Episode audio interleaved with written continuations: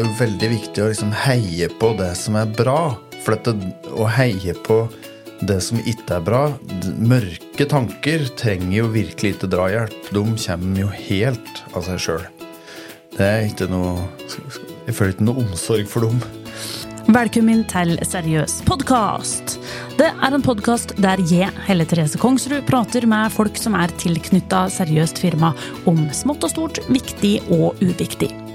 I denne episoden er det musiker, komponist og artist Torbjørn Dyrud som er på besøk.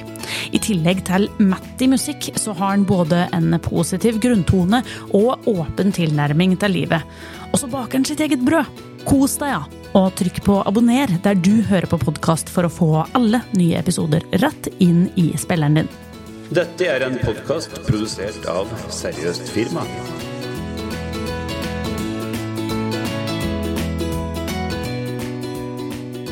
Har du hatt en fin morgen? Du, jeg har hatt en fin morgen. I dag har jeg virkelig Det var jo Det er to ting som er veldig positivt. Det ene er at uh, jeg, jeg har jo da fikk cellegift uh, for noen dager siden. I dag er den første dagen hvor den er ute av kroppen. Og det kan jeg, det kan jeg love det, Akkurat den sida av behandling kan jeg anbefale. Det er veldig godt å ikke ha cellegift i kroppen. Så det er kjempedeilig.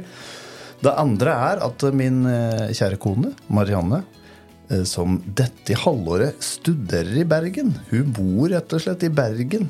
Hun er hjemme. Så, det, og, så når jeg våkna i dag tidlig, så var Marianne der. Det er veldig koselig. Så, så, og nå har jeg drukket kaffe, som også smaker godt for første gang på mange dager. Så det er en god morgen. Så bra. Eh, er det liksom å være gressenkemann i et eh, halvt år? Du, det går jo det går bra, det. Vi er, det er litt annerledes, og litt, det er jo litt stille på sånn på, kvelden og sånn. Men, eh, men eh, Sofia, min eldste datter, bor jo eh, fortsatt hjemme og har mye liv i seg. Så er, eh, vi, vi har det veldig koselig sammen, da. Åssen eh, starter du en eh, morgen som dette? Eh, du, nå var det bare eh, stå opp, uh, ordne meg på badet. Det tar ikke så lang tid. Og så eh, frokost. Og så eh, dro jeg hit. Ja, jeg tok med søpla og heiv den på vei, for jeg kjører forbi søppelbøtten vår. Eh, Spiste du surdeigsbrød da til Jeg åt frokost? eh, hjemmelaga surdeigsbrød, faktisk. Jeg har eh, lenge lagd runde brød, men nå siste uken så har det blitt i vanlige brødformer, og nå er det fint. Det passer passe størrelse, enkelt å skjære. Mm, greit. Åssen sta- starta dette? Jeg har jo òg havna litt på surdeigskjøret. Så det kan jeg, Akkurat nå har jeg liksom over snittet interesse av å prate om surdeig. Ja, ja, Eh, Men åssen starter du dette? Eh, nei, Jeg fikk bare Jeg tror det var sånn mann skal vi se, i fjor, da 48, eller er det Jo, jo det er kanskje, nei, kanskje to år siden plutselig. Nå husker jeg ikke. Det er ikke så farlig. Eh, Men mann med parentes et årstall bak, eller 48-49, er nok eh, Jeg vet ikke hvorfor menn som oss vil det. Det hadde jo litt med, har litt med sånn kreftbehandling å gjøre. At en skal liksom ha et sunt kosthold. Og at det liksom, hvis en kan lage alt sjøl, på en måte, også ikke bruke vanlig gjær. Så, så jeg lagde min egen surdeig. Og så har jo jeg Jeg syns det er veldig lite styr. Den har stått inn i, i fjor da vi var på Urbane Toten. Spilte på Chat Noir med Urbane Totninger i mange uker. Og i prøvetida var jeg jo ikke hjemme i det hele tatt. Så sto nå denne deigen i kjøleskapet der. Det gikk helt fint. Man var ganske så syrlig da jeg kom. Altså, måtte liksom blande ut litt Men det, folk prater om at det er så styrete med surdeig. Jeg syns ikke det. Er det noen som skal få barnevakter åt Ja, surdeigstarteren sin og sånn? Surdeigshotell. Men eh, ja, nei. Men startet du din egen? Ja, jeg Ja, starta min egen. Det var jo litt inspirert av deg, litt inspirert av min far. eh, Og nå er jeg hekta. Ja. Ja. Eh, er- Og litt inspirert av Instagram òg, må jeg innrømme. ja. Ja. Instagram kan jo påvirke folks liv. Men det, det har jo ført til at jeg har en veldig koselig feed på Instagram. Det er på en måte, det er eh, mye strikking, eh, mye tegning, eh, og så er det og mange som baker bakst. surdeig. Ja, og konditor generelt. Ja. Det er mye bikkjer hos meg. Jeg, Sofia, som vi har deler Jeg har blitt så glad i bikkjer. Jeg var redd for bikkjer før, men Jon Anders Narum hadde jo bikkje i mange mange år, som het Wilbury. Veldig fin godsinn. Den var jo med på en måte og lagde den første viseplata jeg lagde, som heter 'Dette er hjemme'. Eh, Da var Wilbry i studio hele tida. Da forandrer mitt forhold til bikkjer seg. Etter det blir jeg veldig glad i bikkjer. Birsevov. De er jo veldig trivelige typer. Ja, så det mye, I Instagram-feeden er det mye av det. Og så prøver jeg også å følge kontoer med folk som gjør noe aktivt med klimaproblematikken. For eksempel eh, The Ocean Cleanup Project, som skal uh, få ut all plastikken av Stillehavet. Veldig veldig ålreit. Det kan jeg virkelig anbefale. Folk som fokuserer positivt. Folk som fokuserer på at ting kan gjøres, og som gjør ting, ikke minst. da.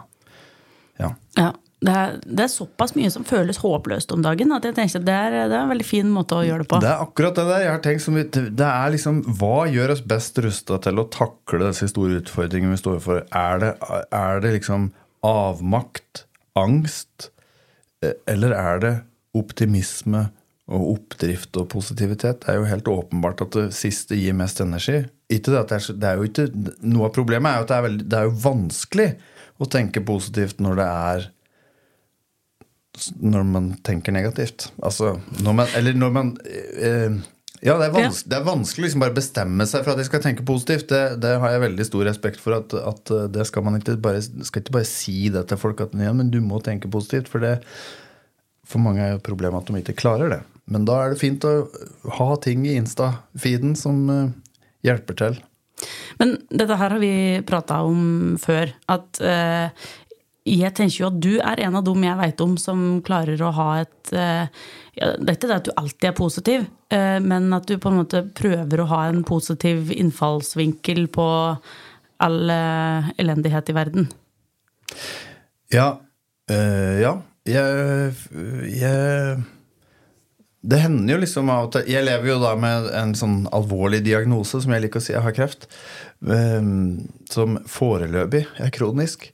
Men um, så det hender liksom med jevne mellomrom at folk sier dette her, da. At, at jeg får liksom nærmest ros for at jeg er flink til å, til å håndtere dette her. Og da blir jeg blir jo støtt veldig glad, da. Jeg syns jo det er veldig koselig å få ros, selvfølgelig. Men jeg får også behov for liksom å understreke at dette ikke er Jeg føler ikke at dette er noe jeg gjør. Jeg føler at dette er noe jeg er, og noe jeg har fått. At jeg er optimistisk i, i, liksom, i, i utgangspunktet. Grunntona i livet. til den som nøys i backstage en plass. Og da er det på en måte lett for meg å velge liksom, å tenke på koppen som Eller liksom glede meg over at det var at en skvett med kaffe på kanna, i stedet for å si at det er jo nesten tomt. Men hva er det som har gjort at du på en måte har den grunntona i livet? Det er vanskelig å si. Jeg tror det har med Det har nok noe med arvgenetikk å gjøre, tror jeg. At jeg men jeg har jo også vokst opp med to foreldre som er, er veldig sånne positive, blide. Far var utrolig stabil i humøret. Jeg, jeg, jeg, jeg, jo, jeg så en sint én gang, kanskje. Men det var liksom Ja. Så jeg har hatt veldig mye positive folk rundt meg òg, da. Det gjør jo man, sjølsagt. Det har jo noe å si, åpenbart. Men det er jo noe med å holde på det òg. Har, du liksom, har du måttet bestemme deg for det noen gang? Eller er det bare Nei, ikke, nei, ikke, ikke, ikke liksom et sånn aktivt Nei, søren, nå må jeg ta meg sammen og være mer positiv. Det er på ingen måte. Jeg er optimist og har liksom en slags sånn oppdrift i meg, bare fra na naturens side. Jeg føler meg veldig veldig heldig og privilegert. Og det er litt derfor også, apropos det vi pratet på i stad, at jeg prøver å være veldig bevisst på at, eh, at dette er noe eh, At dette ikke er noe jeg gjør, men at det er noe Det er mer som en gave, nærmest. Og for de som da ikke har dette der, som har, som har lett for at det blir tungsinn eller negativt og sånn, skal behandle sånne folk med Eller behandle akkurat det med stor respekt. For at det er mm, Særlig for noen som sliter med det, så er det jo, så er det jo hele poenget at man kan ikke bare bestemme seg for å være sånn, for det er en slags grunninnstilling. Men eh, det er jo mulig for alle å øve seg på ting som ikke er lett. ja. Ja, så om en ikke bare bestemmer seg for å være glad, så kan en kanskje bare prøve å bestemme seg for å øve litt på å se annerledes på mørke situasjoner. Ja, det er i hvert fall Og særlig nå. Jeg, jeg har jo veldig sånn øh, Merker jo i den situasjonen jeg er i, med, med liksom å leve med denne slags trusselen hele tida, øh, så er det jo veldig viktig å liksom heie på det som er bra. For dette, å heie på det som ikke er bra Mørke tanker trenger jo virkelig ikke drahjelp. De kommer jo helt av seg sjøl. Det er ikke noe Jeg føler ikke noe omsorg for dem. Så det det er jo Men det er klart, det å prøve å liksom fasilitere Eller ja. Jeg har litt trua på sånne enkle ting som å rydde opp i Instagram-feeden sin. Eller liksom å oppsøke ting som er positivt, da. Man skal ikke ha litt skyldfølelse for det, liksom. Jeg vet ikke om du så på Snøfall før jul? Eh, ja, det, var jo, det nådde jo ut til mange utafor det som kanskje i utgangspunktet er målgruppa si òg. Eh, men jeg syns de klarte å framstille dette med mørke på en veldig fin måte. At det på en måte bare, bare klumper seg sammen og blir bare altoppslukende på et vis. Ja, jeg er enig. Jeg syns det òg. Jeg fikk litt sånn overload i begynnelsen. De første episoden så tenkte jeg liksom nå, fikk jeg følelsen at de satt med et slags kart eller sånn ruteark for å krysse av i absolutt alle. Nå skal vi, vi skal se alle. Eh, og at det var liksom mye kreft i begynnelsen. Men, eh, men etter hvert så syns jeg at dette ble veldig ålreit. Jeg syns Ja. Ja, nei, men eh, Rydde opp i Instagram. Gjør noen positive søk i Insta på Instagram og få noen positive, litt positiv input. Det er dagens første tips. ja det, hvis jeg skal tipse, så kan jeg si at det funker i hvert fall for meg. Og det også sette på sånn tidsbegrensning. At man ikke bruker Altså, Ja. jeg har sånn en halvtime om dagen eller noe sånt nå, som jeg støtt makser, av. Og da sier telefonen din at nå er det nok, Torbjørn? ja. Det er sånn funksjon som ligger inne i operativsystemet. Du kan gå inn og begrense apper på ti. ja det er kanskje flere av oss som bor der. Ja, ja, det, vise jeg kan oppfalle. anbefale. Det går an å overstyre, det er, det er lett. Men, det, men det er, det, akkurat det der lille snubletrinnet der, det er, det er fint, det. Godt å bli påminnet at uh, du kan bruke livet ditt til noe vettugere. Ja. Ja. Det fins jo bøker. Det fins jo mye. Avis, aviser. Det- ja, det. Morgenblad. Ja. Apropos trivelige morgener og at Marianne er hjemme, det er virkelig noe som er superkoselig. Å lese høyt fra Morgenblad på senga i helga, det kan jeg, det kan jeg anbefale. Det, det høres veldig koselig ut oppi altså, For dem som ikke har sett huset ditt, og det er jo på en måte de, de fleste, da, eh, så kan jeg si at huset ditt er jo på en måte veldig koselig. Eh, det stråler litt koselig ut av det, og så har du veldig fin utsikt. Ja, altså, det, Nå høres ut som det er den, den mest ekstreme idyll, men, men det er faktisk Ja, det er veldig koselig. Lafte tømmerhus fra 1895. Med utsikt over Mjøsa. Og med utsikt over, utsikt over til Hamar og Helgøya. Ja. Nei da, det er vakkert. Det er idyll, det. Ja, det er det. Det er veldig idyllisk. det, er, det er det dette som er hjemme? Ja, det er Toten eller Kapp, ja. Jeg bor jo bare eller, 968 meter i luftlinje fra barndomshjemmet mitt, så jeg har jo på en måte kommet tilbake. Så for meg så er det dette som er hjemme, ja. Det kan jeg, det kan jeg trygt si. Ja. Mm. For de som ikke tar referansen, så er det òg ei vise du har skrevet, da. Ja. Ja. Veldig Det er fin ei. Takk.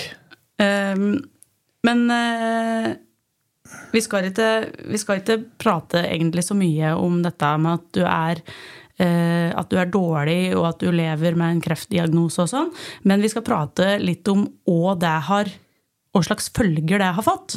Eh, og da eh, skal jeg først bare spille av en liten lydsnutt. Det er sommeren 2020, og åkra hjemme på Toten står grønne.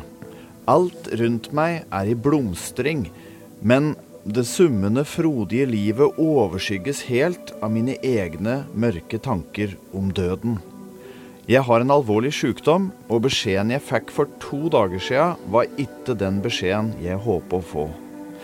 Men det jeg ikke veit, er at dette i mørket vil lede meg til en oppdagelse som skal forandre alt. Og det skal jeg fortelle om nå. Dette her, er jo, dette her er jo både vakkert og dystert på en gang. Ja, ja det er jo alvor. Men du ehm, Altså, du har laga en podkast som heter Mer enn hjerne. Kan du ikke fortelle litt om den først? Ja, dette er da åpningen på Mer enn hjerne, med H.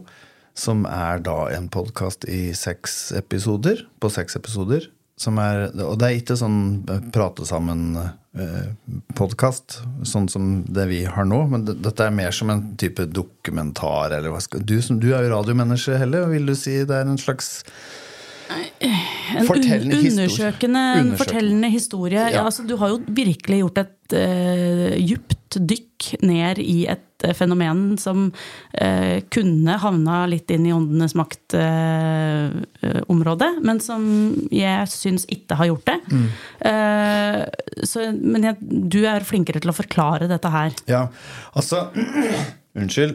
Den eh, podkasten handler om eh, bevissthet, som da er liksom et av de største mysteriene vi menneskeheten har, eller hva man skal si for noe. Man har liksom i, egentlig alle og alle, i hele vår i hele menneskehetens historie lurt på eh, hvordan hvem er vi? Hvorfor, hvorfor opplever vi verden sånn som vi opplever verden? Og, og da Hvordan oppstår bevissthet? Hvordan kan det has, hvordan skjer dette spranget liksom ifra, en, denne, fra hjernen vår, som jo er veldig fysisk? Og inni der er det sånne prosesser som Der foregår det ting. og ut av det så kommer denne liksom abstrakte opplevelsen da, av å leve. Og dette er kjempevanskelig. Stort, stort filosofisk spørsmål som vi ikke har noe ordentlig svar på. Og så utgangspunktet for podkasten er da Jeg prater mye om eh, nær døden-opplevelser. Som da er eh, Det er ikke sånn at du eh, Det er ikke sånn Jeg holdt på å, å gå over gata, men så, og så kom det en buss. Hadde jeg gått, så hadde jeg blitt påkjørt. Det, det er ikke sånn. Dette er nær døden-opplevelser, sånn som det brukes i den, i den sammenhengen som jeg prater om det, så er det da altså folk som har eh, dødd. Som har vært klinisk død eller ligget i djup koma. Eh, noen kan ha ligget i koma i dagevis, ukevis. Andre har vært klinisk død i to, tre, fire, fem minutter. Kanskje lenger òg. Og da er det jo sånn at eh, hvis du får hjertestans, f.eks., så får jo ikke hjernen etter 20-30 sekunder så mister du bevisstheten. Du slutter å puste, og hjernen får ikke noe blodtilførsel. Og da er, eh, da er liksom den, den teorien som eh, den vestlige naturvitenskapen har forholdt seg til de siste 100 åra, at hjernen lager, skaper vår bevissthet. Alt vi opplever, oppstår inni hugget. Ergo så skulle jo da, når hjernen ikke får blodtilførsel og slutter å fungere, så skal du ikke oppleve noen verdens ting. Men så er det da en masse mennesker, opp gjennom hele menneskehetens historie er dette dokumentert, som våkner opp igjen etter en sånn opplevelse og sier at de har hatt den mest intense opplevelsen, det virkeligste, sanneste, mest realistiske de har opplevd i hele sitt liv, har de opplevd mens hjernen deres ikke har fungert. Og da blir det store spørsmålet hva i all verden Hvordan skal vi forstå dette? Er det et eller annet som foregår inni hjernen som, som vi ikke får tak i, som vi ikke ser? Eller kan det være sånn som f.eks. buddhister og hinduister eh, tror, at, at bevissthet er et fenomen som ikke bare befinner seg inni vårt hugge, men som er altomsluttende? At vi egentlig bare er en del av en en stor universell bevissthet, og så er hjernen mer som en slags eh, antenne som, som, tar, som, som filtrerer ut og lar oss liksom oppleve en, en, et segment eller en del av denne eh, bevisstheten. Eller, ja. Ja. Dette er, det er kjempevanskelig. Eh, men det er liksom utgangspunktet. For, og det som, gjorde, det som ble så liksom viktig for meg, var jo nå, Jeg har jo vokst opp i, i TenSing og er utdanna kirkemusiker, sånn, så jeg har jo et forhold til kirka. Har jo har vokst opp med å tro at det finnes en gud. Sånn at det, at liksom, Å være kristen er liksom eh, en del, har vært en del av min identitet i, i, i hele livet, egentlig. Og så plutselig så dukker denne herre nær døden-opplevelseslitteraturen opp. Og så, og så, er det akkurat som om det er de som har hatt sånne opplevelser, det de forteller, ligner så veldig Altså, det de beskriver, høres jo helt himmelsk ut, rett og slett. Så plutselig så er det et eller annet fenomen som folk har opplevd, og ofte i liksom medisinsk sammenheng. De som har forska på det, forsker med liksom vitenskapelig språk. Det er liksom Det er ganske sånn Hva skal man si, da? Mat for intellektet, på en eller annen måte. da. For det er jo vanskelig filosofisk, men det er jo også liksom det, det, det, ja, det gir liksom Det appellerer til meg sånn intellektuelt. Og da plutselig så ble det en slags sånn disse opplevelsene ble nærmest som en sånn slags bru som forbandt liksom den åndelige virkeligheten, eller hva jeg skal kalle det for noe, det åndslivet mitt, eller tru, det jeg tror på, sånn, med liksom det intellektuelle og vitenskapen og sånn. Så det ble en slags sånn forsterker der. Ja, det var et eller annet som skjedde der da, som ble veldig veldig viktig for meg fordi jeg var i krise. Fordi jeg hadde fått liksom beskjed om at nå må du ha mer behandling, og dette blir du antageligvis ikke kvitt. Oi, det var lang, det var, det var lang kort redegjørelse på hva denne podkasten handler om. Ja, men det er, ikke, det er, vel ikke, så lett å gjøre det så mye kortere heller. Men det, men det jeg kan legge til, er jo at altså, du har jo vært i kontakt med folk over nær sagt hele verden, både altså, Toten og USA. Eh, på en måte Forskere på forskjellige områder. Eh, tatt tak i fenomener som det, ja. en, en, ikke nødvendigvis har noen forklaring på, men som, men som forskere er veldig interessert i å finne ut av. Så det er jo eh, det, er dette her at det ligger liksom litt på brytningspunktet mellom noe som eh, forskere er veldig interessert i, og noe vi ikke forstår i det hele tatt, og som de mange av oss kanskje ser på som det totale visvas. Mm. Eh, så det er, det er en sånn og så bland en dose med filosofien i dette her, så blir, det blir jo et slags kaos, men du prøver å rydde opp litt i det. Ja, altså det, Poenget er at hvis det nå skulle være sånn, da, at bevissthet er noe som finnes også utafor oss. Og hjernen vår fungerer mer som et eh, sånn som TV-apparatet gjør. Filmen er jo liksom ikke inni sjølve TV-apparatet, den kommer jo fra en annen stand. Så, så får jo det veldig store konsekvenser for hvordan vi forstår verden. Da, ehm, og da er det plutselig Kan liksom telepati være noe som faktisk finnes, som går an. Når folk ser Hvis, hvis det er liksom en virkelighet bak den virkeligheten vi opplever og ser, hva kan finnes i den virkeligheten? Er det sånn at ja, har vi en sjel? Er vi liksom egentlig åndelige vesener, og så har vi bare en fysisk opplevelse når vi er her på jorda? Skal, skal vi forstå spøk... Er spøkelser? Er det liksom Er det noe ordentlig, det, da? Eller sånn som når da jeg har intervjua i podkasten forteller at den kvelden far min døde, så hadde hun en, hun hadde en sånn spesiell relasjon til, til, en far. Og den kvelden han døde, på akkurat på det tidspunktet som han døde, så hadde hun en veldig, veldig sterk fornemmelse at han plutselig bare var hos henne et lite øyeblikk. Så sterk at det liksom bare satte seg opp i sofaen og sier til mannen sin at nå er det ikke lenger før en Dagfinn dør. Er, det, er dette liksom det vanlige tolkningen vil jo være at det er tilfeldig. Du, du, tenkte over det, og du tenkte spesielt over det fordi du fikk telefon dagen etter med beskjed om at ja, han døde i går kveld, og da han døde da, og det var akkurat det tidspunktet, og så var det et tilfeldig sammentreff. Men hvis en da på en måte ser på verden på denne andre måten, så ja. Og da er man jo fort liksom inne i uh, Inne i en sånn paranormal, overnaturlig sfære, som jo som i hvert fall i vår kultur er det stort sett bare åndenes makt liksom, som forholder seg altså, Vi har ikke noen Vi har ikke noen noen uh, arena i vår offentlighet hvor man liksom prater uh, om dette på en sånn uh, undrende, seriøs måte. det er noe vi egentlig bare avfeier som Nei, pff, dette er tull. Dette er tilfeldigheter.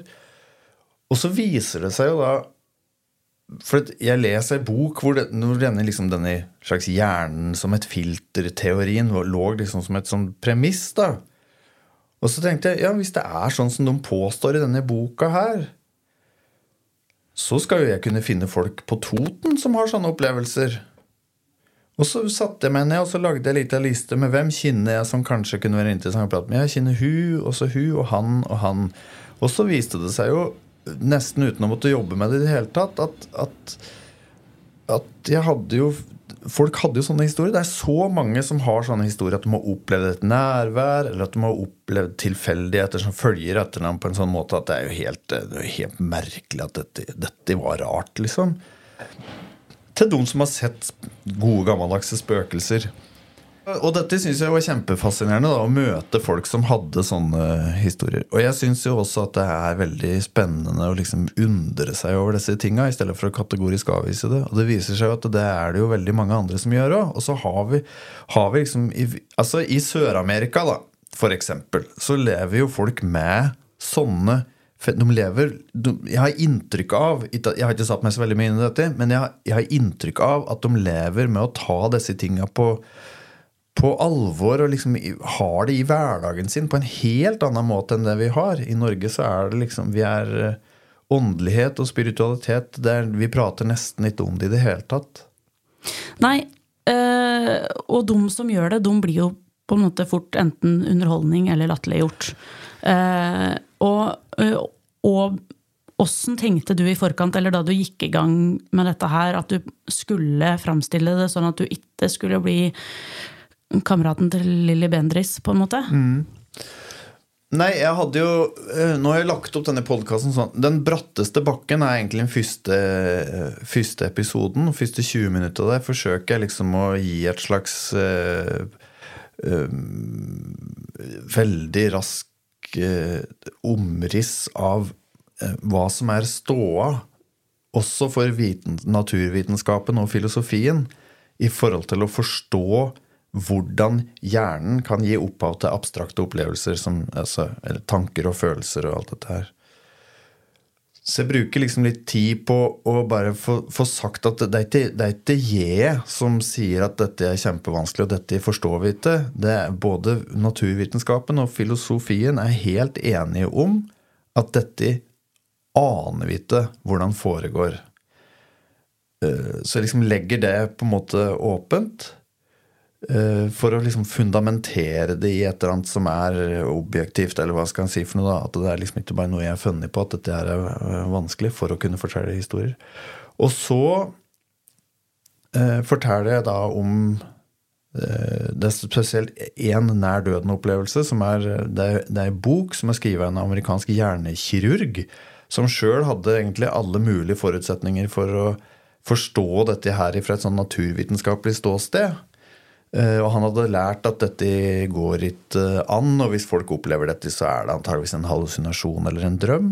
Og så kommer han ut igjen etterpå og, og med en opplevelse som er så totalt livsomveltende at han forkaster hele det verdensbildet han hadde før dette skjedde. da. Og så forsøker jeg liksom derifra å prate etter at dette liksom er etablert som en problemstilling, så, så, prøver jeg jo ganske fort å komme til intervjuer med folk som har sånne opplevelser.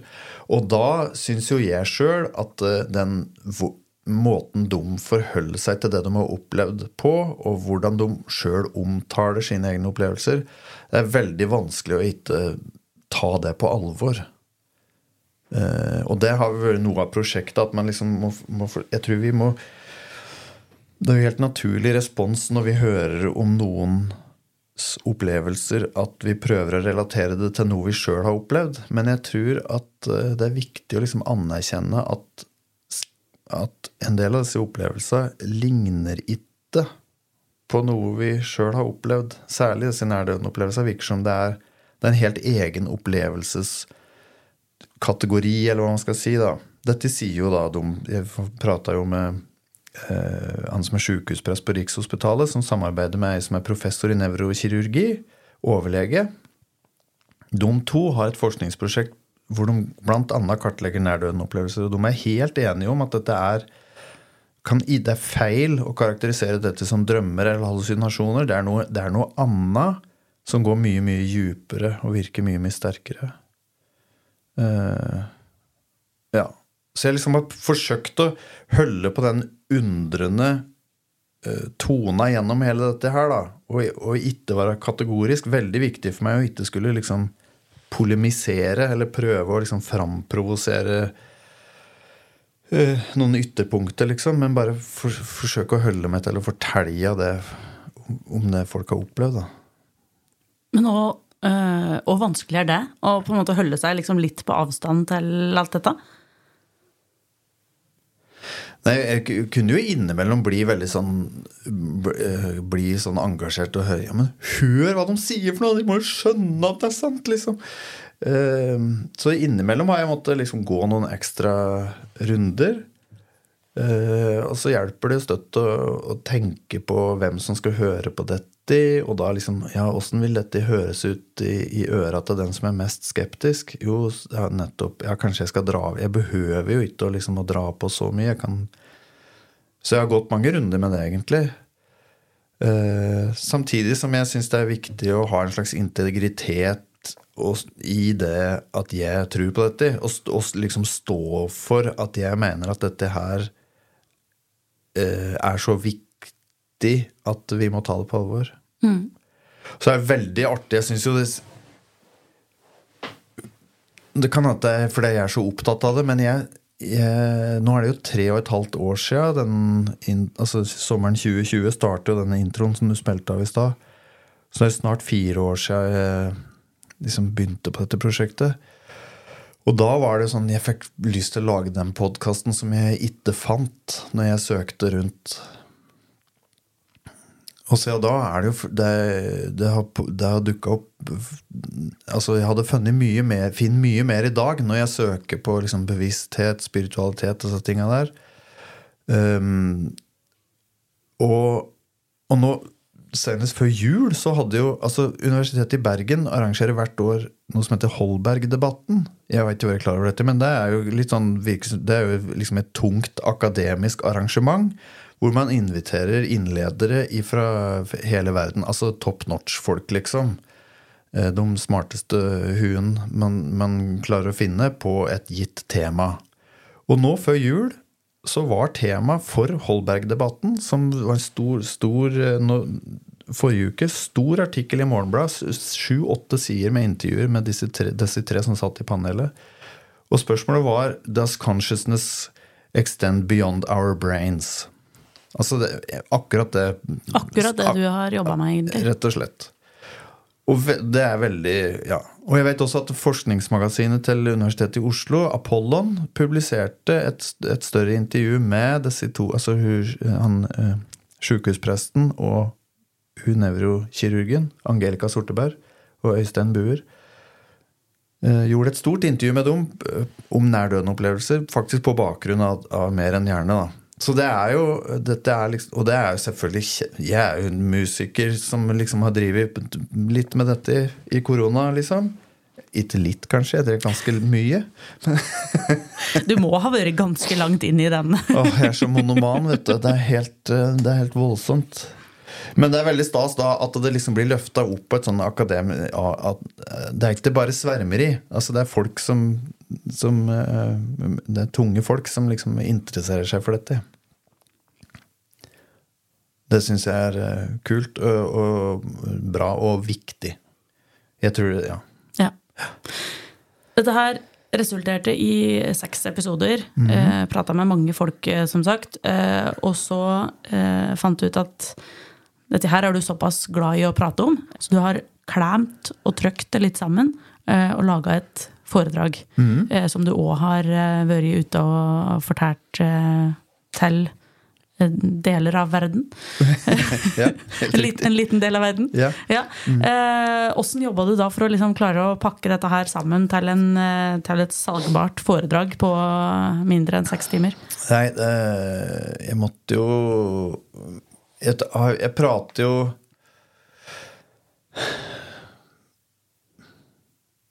Det handler jo mye om å øh, Det som du spurte om i stad, det der med å klare å holde seg liksom saklig og ikke liksom gå for mye ut i kanta, sånn at folk liksom detter av, eller gardina går ned fordi det blir for dumt, liksom. Um, så jeg har jo i foredraget vært å fokusere en del på hvem jeg er um,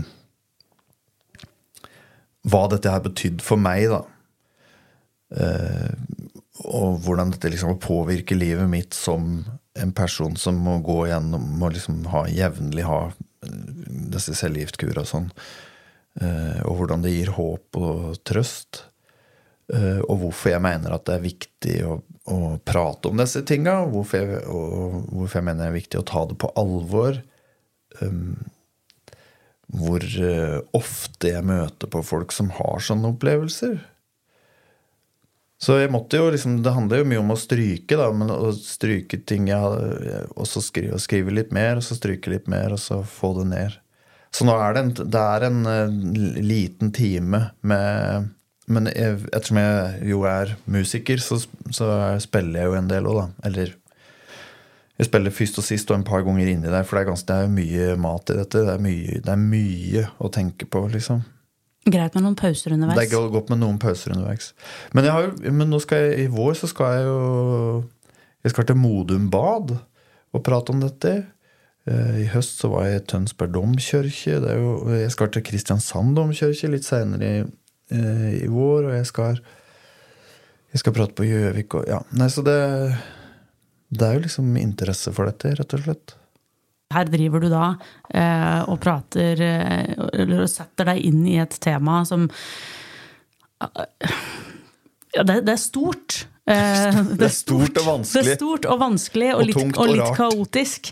Eh, og så plutselig en dag så ringer telefonen din, og så er det Nå ser jeg for meg at det er en kar kledd i en rød dress eh, på andre sida som sier Hi, this is Ted. Uh, would you come to Arendal? Yes. Uh, for, fortell, fortell, litt om åssen dette her skjedde. Ja, ja altså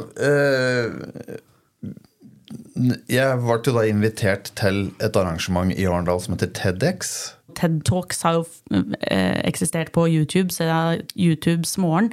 Eh, der en kunne sett på de flinkeste folka innafor de pustigste fag.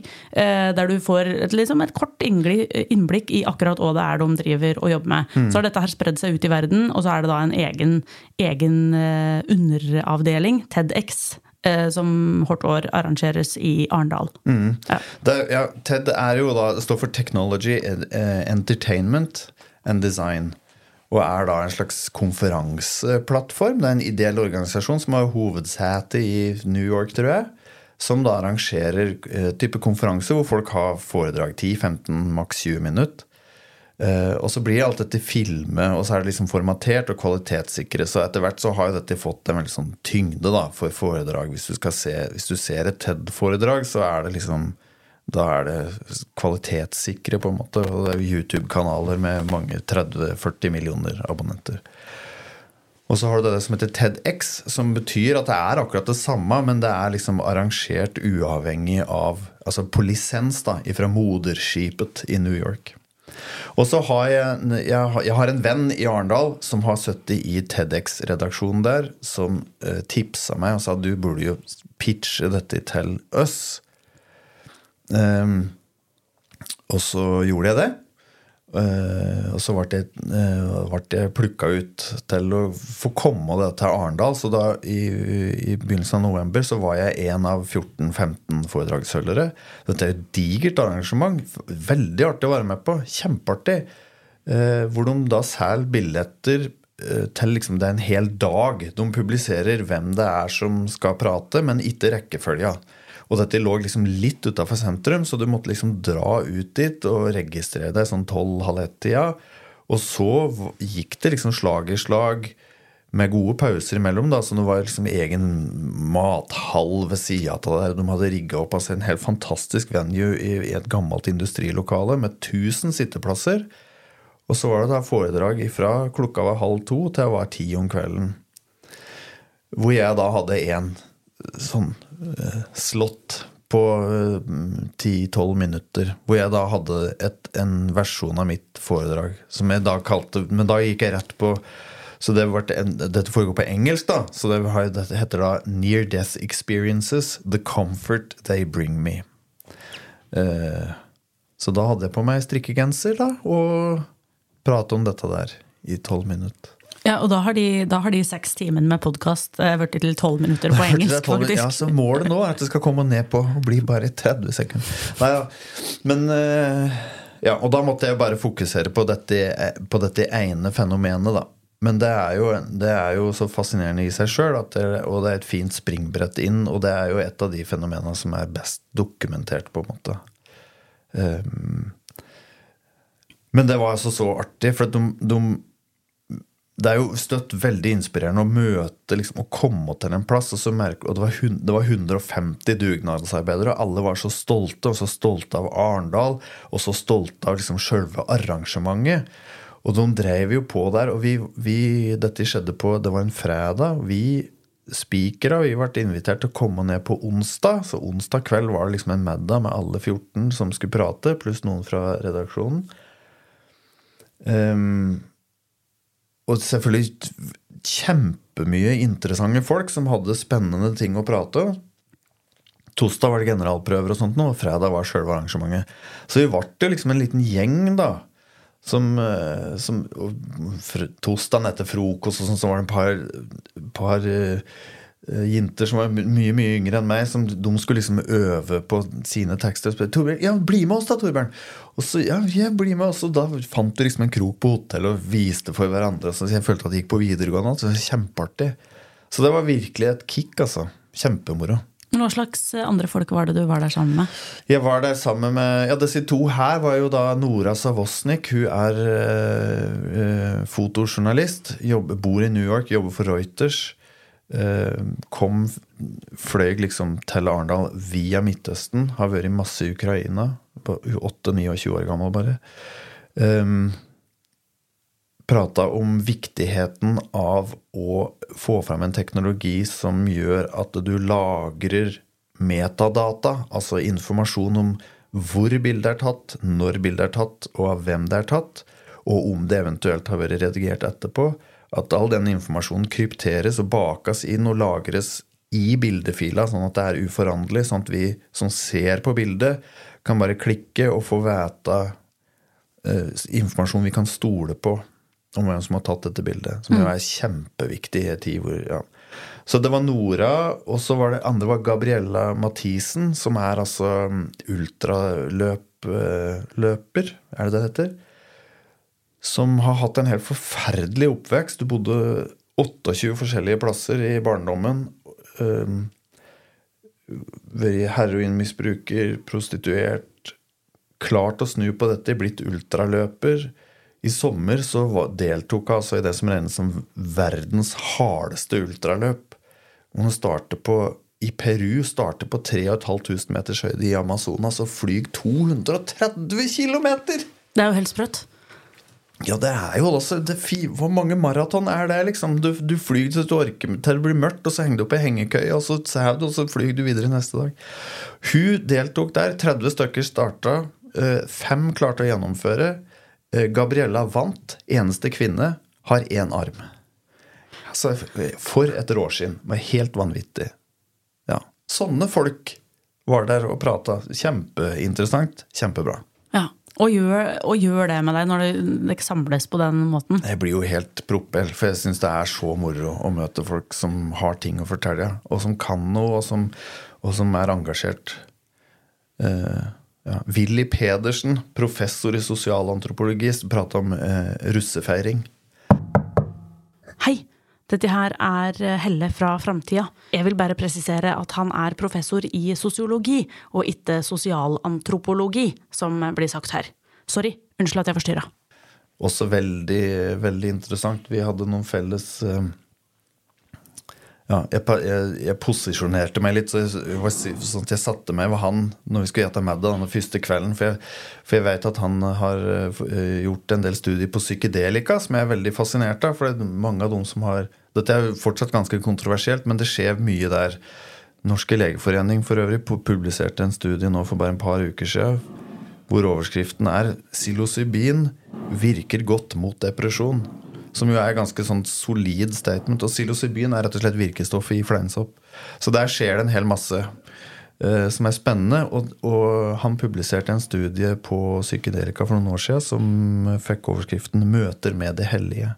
Så det er mange, det er mange fellesnevnere faktisk mellom det folk opphar av sånne nærdødende opplevelser, og det eh, de som har hatt eh, det man kaller mystiske opplevelser, eller i, i, i forbindelse med bruk av psykedelika. Som man må gjøre med stor respekt. Det er ikke noe man skal bare lefle med.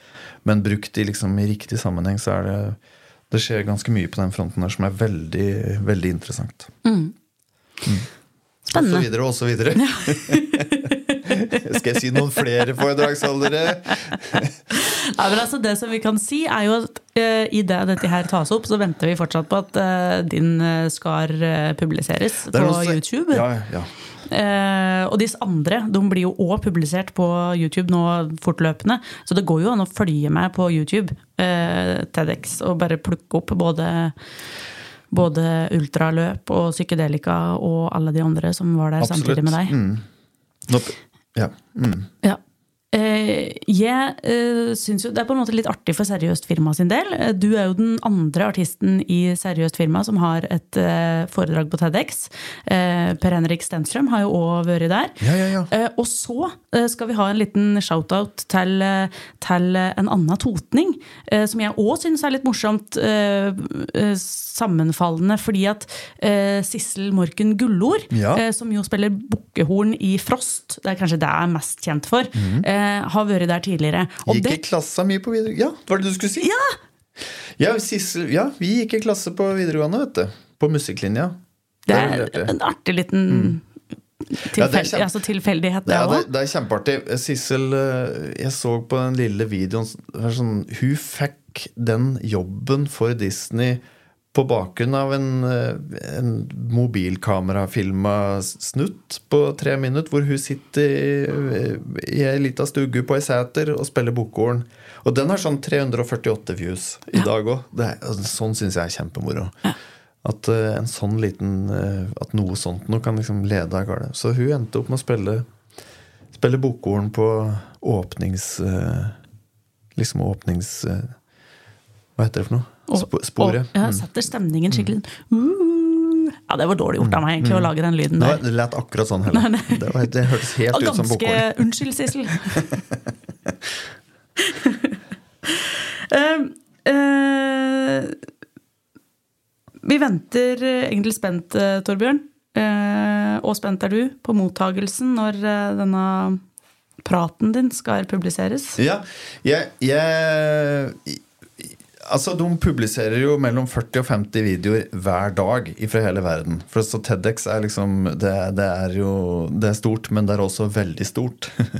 så jeg har ikke noen sånne Altså Jeg har liksom lagd en liten sånn eh, kampanje.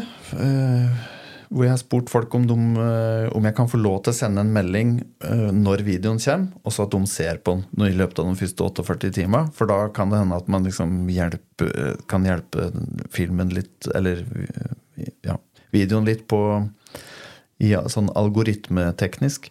Men bortsett fra det, så, så mm, Så jeg, jeg, jeg forventer ikke noe sånn internasjonalt gjennombrudd på noe som helst vis. Men det er veldig stas hvis, det kan, eh, hvis folk kan få noe ut av dette. Og hvis det får en del visninger, så er det bra. Jeg tror også temaet da selvfølgelig er viktig. Eh, Så jeg tror at eh, Og jeg, og jeg tror også at den talken har noen perspektiver som noen eh, vil finne inspirerende, oppløftende. Eh, ja. Men òg har Og har alt det, denne jobbinga øh, med dette prosjektet gjort med deg? Ja, det har jo vært Det fungerer, har fungert og fungerer fortsatt som en eh, mental nødutgang. Hvor det, det hvor når horisonten liksom har krympa og blitt veldig liten, og jeg er urolig for framtida sånn, så dukker plutselig disse perspektiva opp. Jeg er f.eks. ikke lenger i tvil, for min egen del, om at døden ikke er slutten, men det er en overgang til en annen tilstand.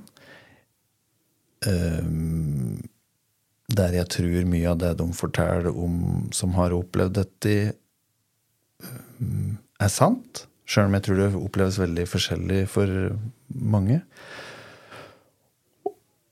Og utover det, utover det, så er jeg jo aner jeg jo selvfølgelig ikke. Det er det jo ingen som gjør. Eh, men, men den, den, slags Det fundamentet der har jo vært jo, Det forandrer jo egentlig alt. Så det er liksom Det er jo den største erkjennelsen, eller innsikten, eller hjelpa, eller hva jeg skal si. For det har du ikke vært sikker på tidligere? Ikke på den måten. Og det er ikke sånn at jeg føler at nå vet jeg alt om hva som skjer bak sløret. Det, det, eneste, det eneste, jeg ikke er i tvil om, er at det, at, er, at det er ikke slutt og mørke og ingenting. Det, noe skjer. Noe skjer. jeg ser ingen grunn til å til å ikke tro på Eller det, ja, man kan finne mange grunner til å ikke tro på det, men jeg for min egen del er ikke i tvil om det lenger. Fordi jeg syns at det er så mange små eh, ja, Skal man kalle det tegn eller pekere? I, fra så mange forskjellige plasser. Eh, både liksom filosofisk, men også geografisk og i tid. At det er på en måte noen, Jeg tror det ligger noen felles menneskelige erfaringer i bånn her som som vår kultur er, er, veldig langt uh, har, har, distansert seg fra, eller ikke tar på alvor, eller hva skal jeg si for noe, men som, uh, som jeg tror er riktig, da. Mm. Og øh, vil du si til dem som hører dette her, eller har hørt deg i andre sammenhenger prate om dette, og sier 'hæ, for noe tøys'? eller det som bare er det er veldig få, da. Jeg, har nesten, det, jeg, jeg, jeg er rett og slett litt overraska over uh, hvor åpne folk er. Og det er veldig uh, Veldig forskjellige folk. Jeg har tenkt f.eks. sånn der, ja, leger er én ting. Skolemedisin, liksom. Sånn er det jo på overhodet ikke. Altså, over hele spekteret ifra, ifra fra prester som virker forunderlig liksom, trangsynte, til, til ja, leger som virker eh, overraskende totalt åpne, liksom. Men eh, jeg kan jo si jeg, til dem som Hvis de ikke har hørt podkasten, så vil jeg jo si at man kan høre på podkasten. Det kan jeg jo anbefale. Og så har jeg jo noen tips på, på veldig liksom edruelige, solide folk som prater om disse tinga, som kan mye mer om det enn meg. Noen som jeg liksom lener meg på når jeg har eh, lagd den podkasten.